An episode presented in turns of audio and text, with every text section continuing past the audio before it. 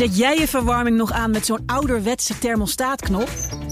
Dan is Eneco Dynamisch niks voor jou. Of bedien jij je thermostaat met een app? Dan is Eneco Dynamisch misschien wel iets voor jou.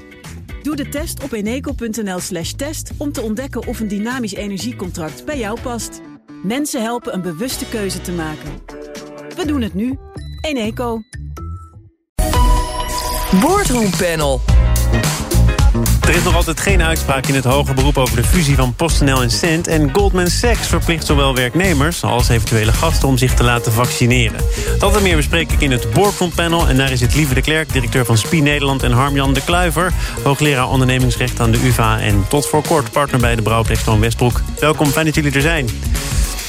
En eh, om maar te beginnen met een persoonlijke vraag... houden jullie zelf de posterijen nog een beetje draaiende? Harmjan, wat was je laatste kaartje dat je verstuurd hebt? Uh, dat, was een, dat waren uh, felicitatiekaartjes voor de geboorte van diverse kinderen.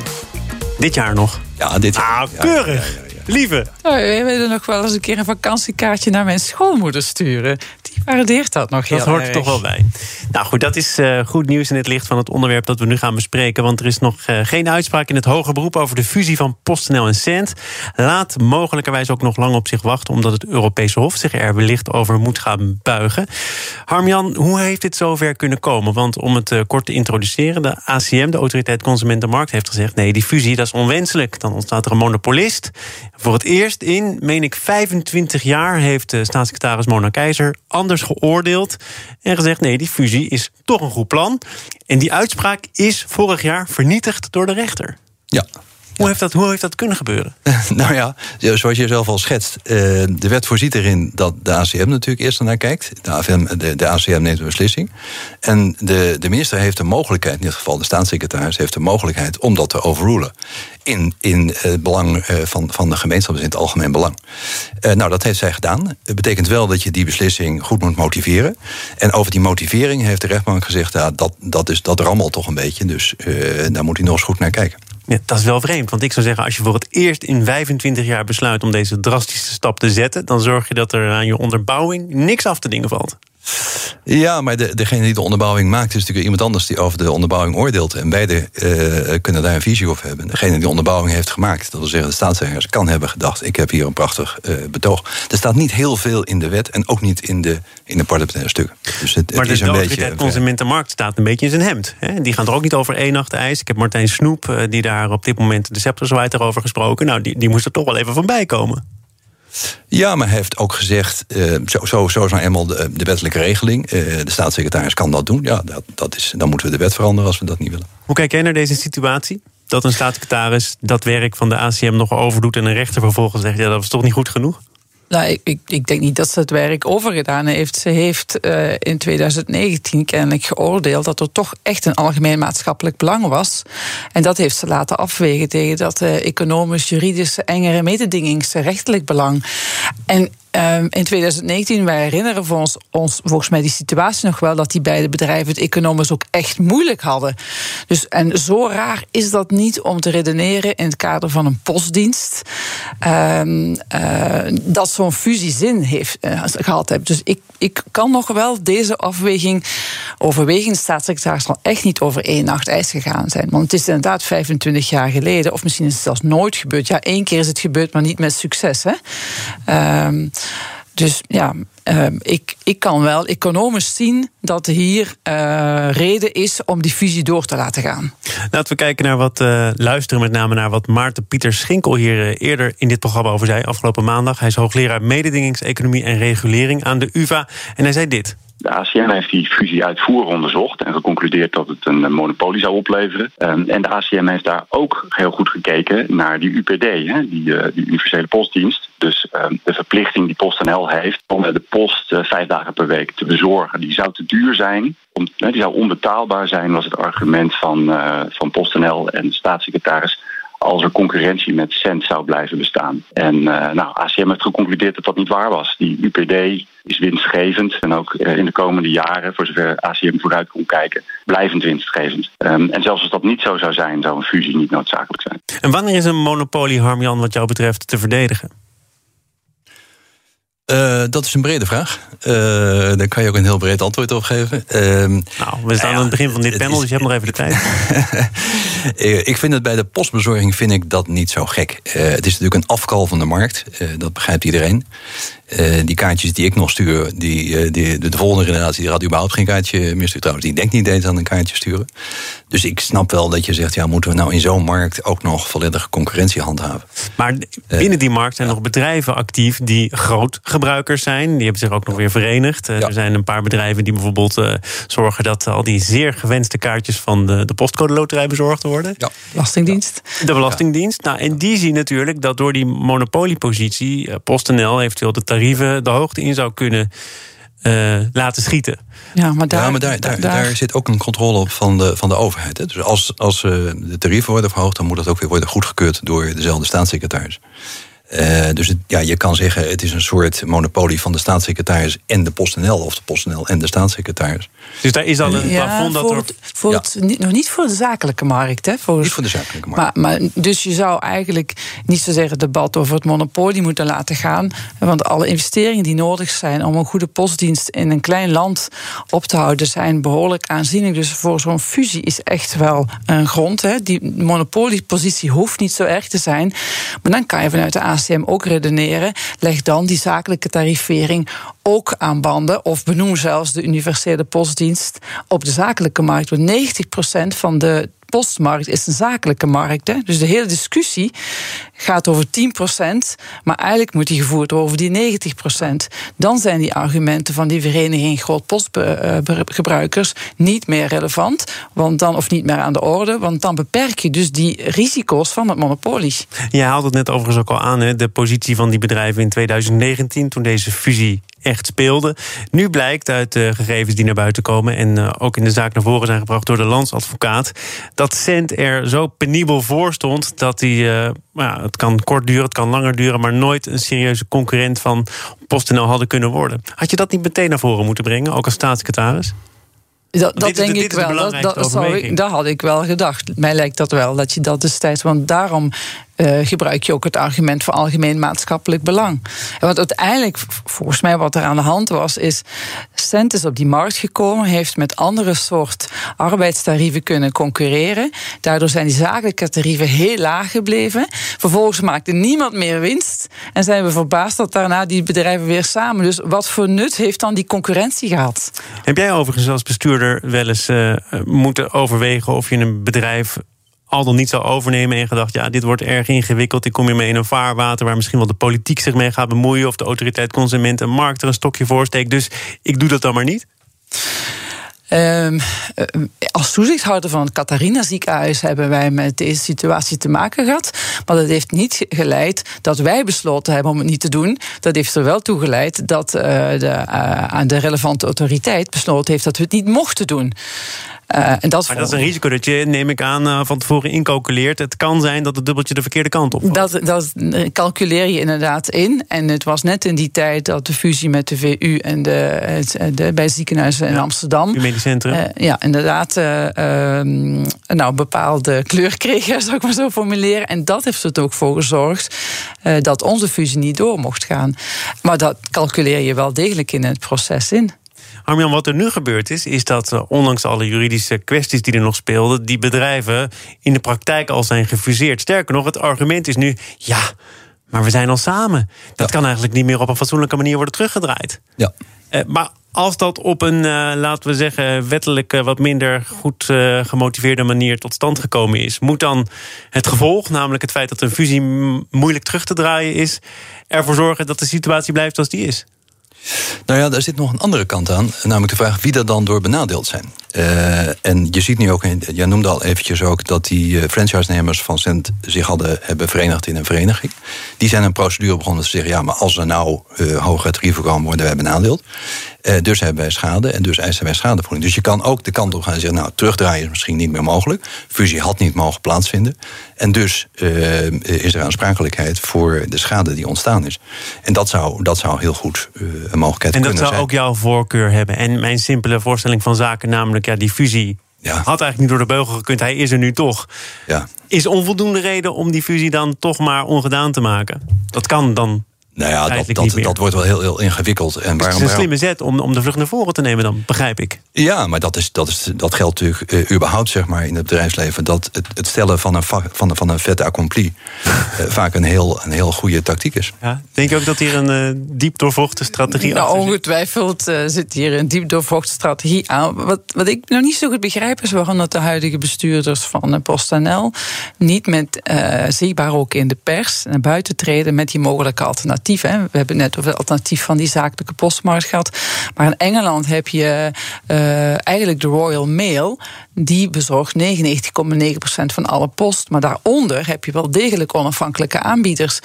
Dus uh, er zijn oplossingen voor te bedenken. Waardoor je nog steeds onafhankelijke aanbieders kunt hebben op de zakelijke markt. Maar dan gebruik je eigenlijk distributiecapaciteit van één organisatie. Wat in een klein land als Nederland echt heel logisch is. Die doet dan ook de voornaamste investering. Is niet anders dan je met telecomnetwerken bijvoorbeeld krijgt. Nou, waarom zou je zo'n model ook niet in uh, Nederland kunnen? Dan, dan hebben die onafhankelijke kleinere postbezorgers nog steeds een markt. Uh, kunnen zich ook uh, onderscheiden als ze willen. Kunnen ook concurreren op tarief, maar gebruiken van het distributiekanaal van de post om dan hun uitvoering ja, tot uitvoering te brengen. Gratis suggestie hier zomaar op de radio. BNR Nieuwsradio. Zaken doen. Thomas van Zeil. En te gast is het Boardroom Panel. Daar is het Lieve de Klerk, directeur van SPI Nederland... en Harmjan de Kluiver, hoogleraar ondernemingsrecht... aan de Universiteit van Amsterdam... en tot voor kort partner bij de Brouw Blackstone Westbroek. Laten we naar uh, Keoli gaan, als ik het op die manier correct uitspreek. Er zijn meerdere uitspraken op dit moment die circuleren... maar die vervoerder moet een schadevergoeding van 3 miljoen euro betalen... aan drie provincies. Het bedrijf had namelijk buiten de provincies om afspraken gemaakt... met de Chinese busfabrikant die bussen zou leveren. En wat er dan zou gebeuren als die levering niet op tijd zou lukken. Strekking van die afspraken, geheime afspraken dus. Maak je geen zorgen over claims en mogelijke boetes. Is het uh, meer dan logisch dat daar een schadevergoeding uh, nu om de hoek komt uh, kijken? ja, dat is, dat is eigenlijk ja, 1 plus 1 plus 1 is 3, zou ik maar zeggen. Dus dat, dat geldt hier ook tussen, tussen de aanbieder en de Chinezen en de provincies. de provincies moeten een aanbesteding doen. daar moeten allerlei partijen aan mee kunnen doen. Die moeten daar eerlijk vertellen wat hun, wat hun propositie is, wat hun voorstel is. Uh, ja, en als dat, als dat niet klopt, als je daar uh, niet de waarheid vertelt, dan moet die aanbesteding overnieuw. Uh, dat brengt kosten met zich mee.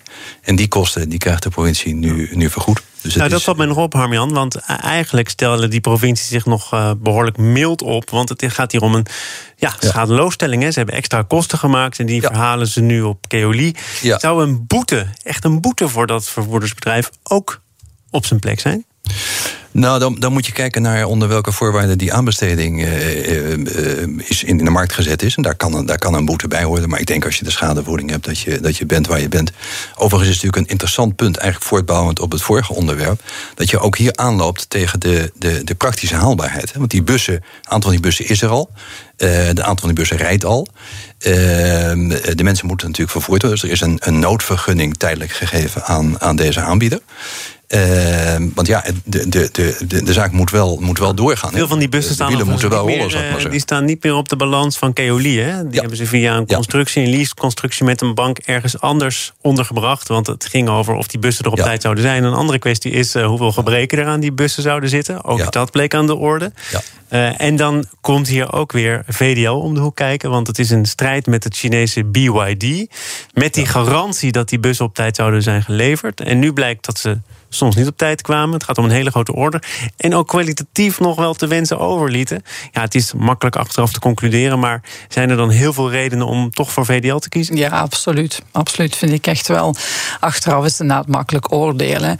Maar um, je, VDL, dat is een onderneming die staat zich voorop voor de Nederlandse maakindustrie. Die investeert, die innoveert, die gaat regionale samenwerkingsverbanden aan. Het paradepaardje, een van de paradepaardjes van en wat doen wij? Onder het mom van Europese aanbestedingsregels kiezen wij voor Chinese aanbieders. En wat ik daarin mis is uh, vanuit de provincies uh, integrale blik op waar je een order neerlegt. Misschien dat die Chinese partij echt wel de goedkoopste is geweest. Maar je moet toch veel integraler kijken naar. Dus je kunt niet aan de ene kant roemen dat we VDL hebben, uh, die stimuleren. Maar en aan de andere kant. Precies het assembleren van die bussen of ook echt volledig in elkaar zitten van die bussen? VDL is wel een heel integraal maakbedrijf. Hè. Die krijgen de rollen staal en doen daar eigenlijk alle metaalbewerkingen op. En investeren ook heel veel in innovatie en investeren ook heel veel in elektrische bussen. Dus die kennis ontwikkelen zij ook voort. Dus ja, ik ben daar eigenlijk over verbaasd dat je uh, zo'n order geeft aan een Chinese partij. Waarbij ik ben niet tegen globalisering, helemaal niet. Maar je hebt nou een, een paradepaardje in Nederland en we roemen VDL voor zijn lef. En wat doen we? Uh, en dan achteraf blijkt dan ook nog dat die bussen aan een hoop uh, gebreken ja. uh, met zich meebrengen. Maar het gaat over, ik meen, de, zo, zo ongeveer de grootste order uit de geschiedenis. Dat prijs daarin een ook bepalend element is. is maar je moet integraler kijken naar prijs.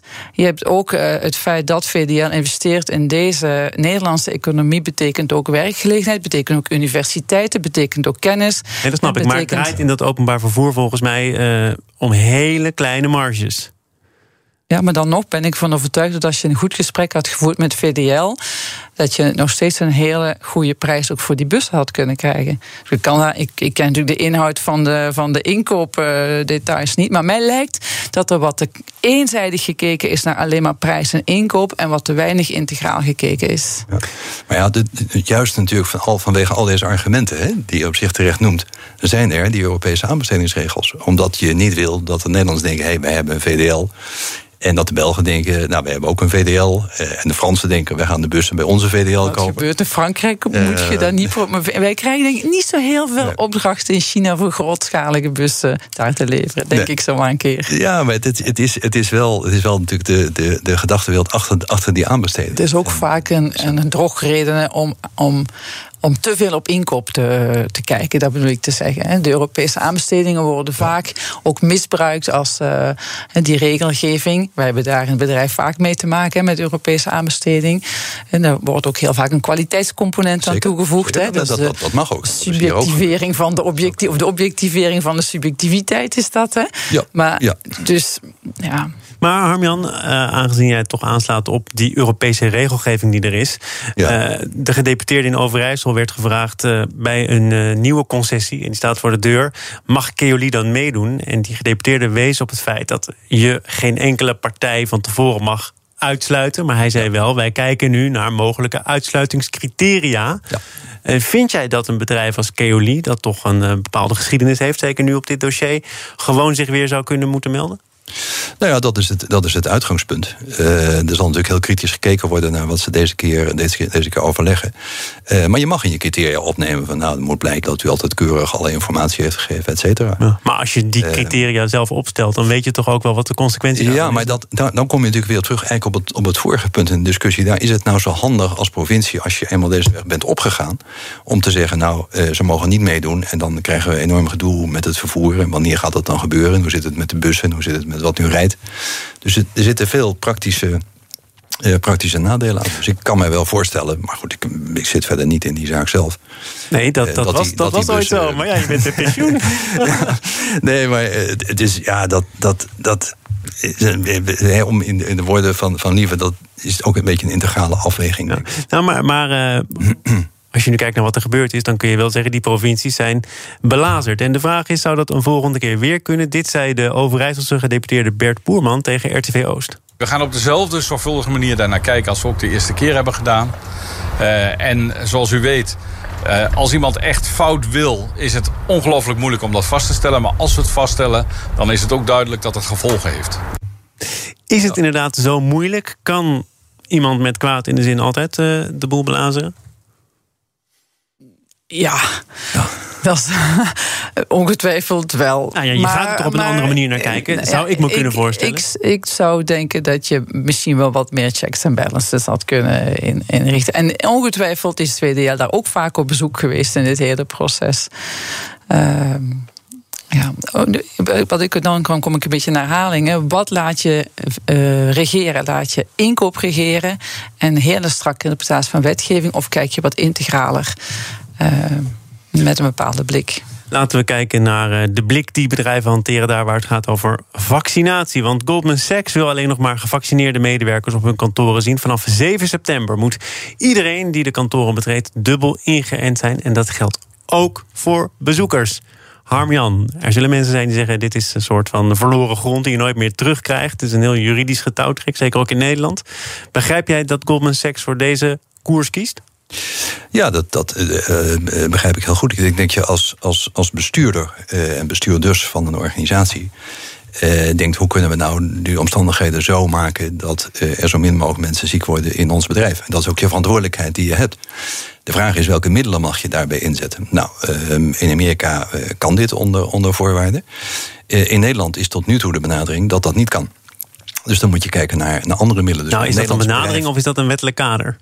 Nou, de, het wettelijke kader is er eigenlijk in die zin niet dat uh, mensen, mensen beginnen vaak met te roepen: eh, ik heb grondrecht, hè, dit is mijn grondrecht.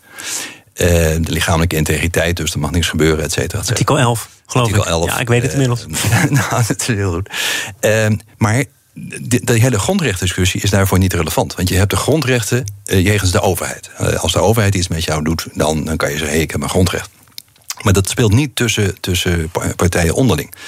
Uh, dus je kan daar heel goed de situatie hebben dat in de belangenafweging, en dat is ook het arbeidsrecht, je moet kijken, is dit uh, nodig? Hebben we alternatieven? Kunnen we het op een andere manier aanpakken? Uh, en als je die, die vragen hebt beantwoord en daar komt uit, het kan alleen maar door gevaccineerd te zijn. Ja, dan, dan zou dat een optie in theorie kunnen zijn. Maar zover zal het denk ik niet komen. Over wat er in Nederland allemaal geroepen wordt. Pascal Besselink van DAS spraken we eerder op BNR, die zei dit. Een werkgever die mag een werknemer wel vragen of die is gevaccineerd. Uh, een werknemer hoeft daar niet op te antwoorden. Uh, dwang of drang, dat mag niet. Uh, dus die vaccinatieplicht die is er niet. Ook niet op de werkvloer en ook niet in de verhouding tussen werkgever en de werknemer. En dat is ook nog een belangrijk aspect. Die werkgever mag gegevens ook niet registreren. want dat zijn bijzondere persoonsgegevens. En dat is weer op grond van de AVG verboden. Dus met al dat soort regels heeft die werkgever wel te maken op het moment dat hij ja, voor dit vraagstuk komt te staan. Welke afwegingen maak jij als werkgever in dit vraagstuk? Ja, ik, uh, ik vind het een erg griezelig onderwerp. Want dan moeten we mogen zeggen: obesitas, het hoge BMI, geen toegang meer roken. Geen toegang meer aantoonbaar bewezen tussen obesitas, roken, drugsgebruik, alcohol. Geen toegang meer. Het argument van de glijdende schaal het, een zware argument van schaal. En dat je je beroept op je plicht als werkgever om ervoor te zorgen dat de mensen gezond zijn en dat ook andere mensen gezond blijven. Uh, dat is zeker waar. Dan heb je in Nederland andere manieren om daarvoor te zorgen. Uh, maar ik vind het een enorme glijdende schaal. Want waar stopt dat dan? Het is bijzonder dat je dan met vaccinatie dit doet. Want dan hadden ze dat in Amerika al veel eerder met obesitas moeten doen. Maar de, de obesitas is, is, is op zich niet uh, besmettelijk natuurlijk voor anderen. Hè? Dat is een gevaar voor de, voor de werknemers. Maar die, Hier is maar het argument. ja. uh, dat je zegt, nou we willen eigenlijk dat iedereen gevaccineerd is. Uh, en op die manier voorkomen we Althans, dat is de gedachte, verminderen de kans dat anderen andere ziek worden. En die verantwoordelijkheid heb je op zich natuurlijk wel. Uh, in het arbeidsrecht mag je ook best uh, eisen stellen. Er is een zaak bijvoorbeeld uit 2015 van een, een, een brandwacht uh, bij een bedrijf die werd gestuurd naar een petrochemische installatie. En daar was de regel, als je daar komt werken, dan word je, moet je bloed afgeven. Wordt je loodgehalte wordt gemeten. En als je uit dienst gaat, wordt er opnieuw gekeken. En dan kunnen we zien of dat loodgehalte verandert is dat niet. En dat heeft de Hoge Raad uh, goedgekeurd binnen het kader van ja, dat is eigenlijk noodzakelijk.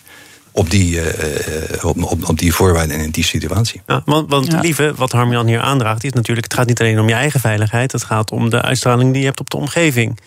Eh, kan het ervoor zorgen dat je toch anders naar de kwestie gaat kijken? Nee, ik ga, ik ga persoonlijk niet naar ons naar de kwestie kijken. Wij moeten overigens wel onze mensen handvatten geven voor hetzelfde soort vraagstukken. Want we hebben veel opdrachtgevers die Amerikaans eh, zijn. En, of petrochemie, die ook al jarenlang een alcohol- en drugsbeleid hebben aan de poort. Uh, dus wij moeten daar wel iets van vinden. Maar dan gaat het meer van wat mag je als uh, uh, medewerker of iemand die op site gaat. Wat mag je wel, wat mag je niet accepteren. Um, en ja, daar moet je ook niet naïef in zijn, want we hebben opdrachtgevers die inderdaad laten testen. Maar dat vind ik misschien nog wel een ander onderwerp. Dan laat je testen en dan weet je acuut of iemand uh, besmettelijk is. En die mag dan niet op site komen. Stond nog een ander iets als een vaccinatiebewijs laten zien. Zeker nu dat we weten dat met vaccinatie nog steeds besmettelijk Jawel, kunt maar zijn. dat zou voor jouw principiële kwestie natuurlijk niet zoveel moeten uitmaken. Nee, dat klopt. Maar als het, als, als, als het uh, vraagstuk is van hoe zorg ik ervoor dat er zo weinig mogelijk collega's of geen collega's ook besmet worden, dan zou je wel kunnen testen bij de poort. Lieve de Klerk en Harmjan de Klaver, fijn dat jullie de poort weer doorkwamen voor jullie deelname aan dit panel. En ik vermoed dat er nog wel een volgende keer komt. Dank voor nu en tot dan. Zometeen gaat het over de comeback van de slaaptrein. Eet jij elke woensdag lasagne omdat het zo lekker makkelijk is? Dan is Eneco Dynamisch niks voor jou. Maar kook jij het liefst elke keer wat anders met het risico dat ze zeggen... Ja dag, dat gaan we echt niet eten. Dan is Eneco Dynamisch misschien wel iets voor jou. Doe de test op eneco.nl slash test om te ontdekken of een dynamisch energiecontract bij jou past. Mensen helpen een bewuste keuze te maken. We doen het nu. Eneco.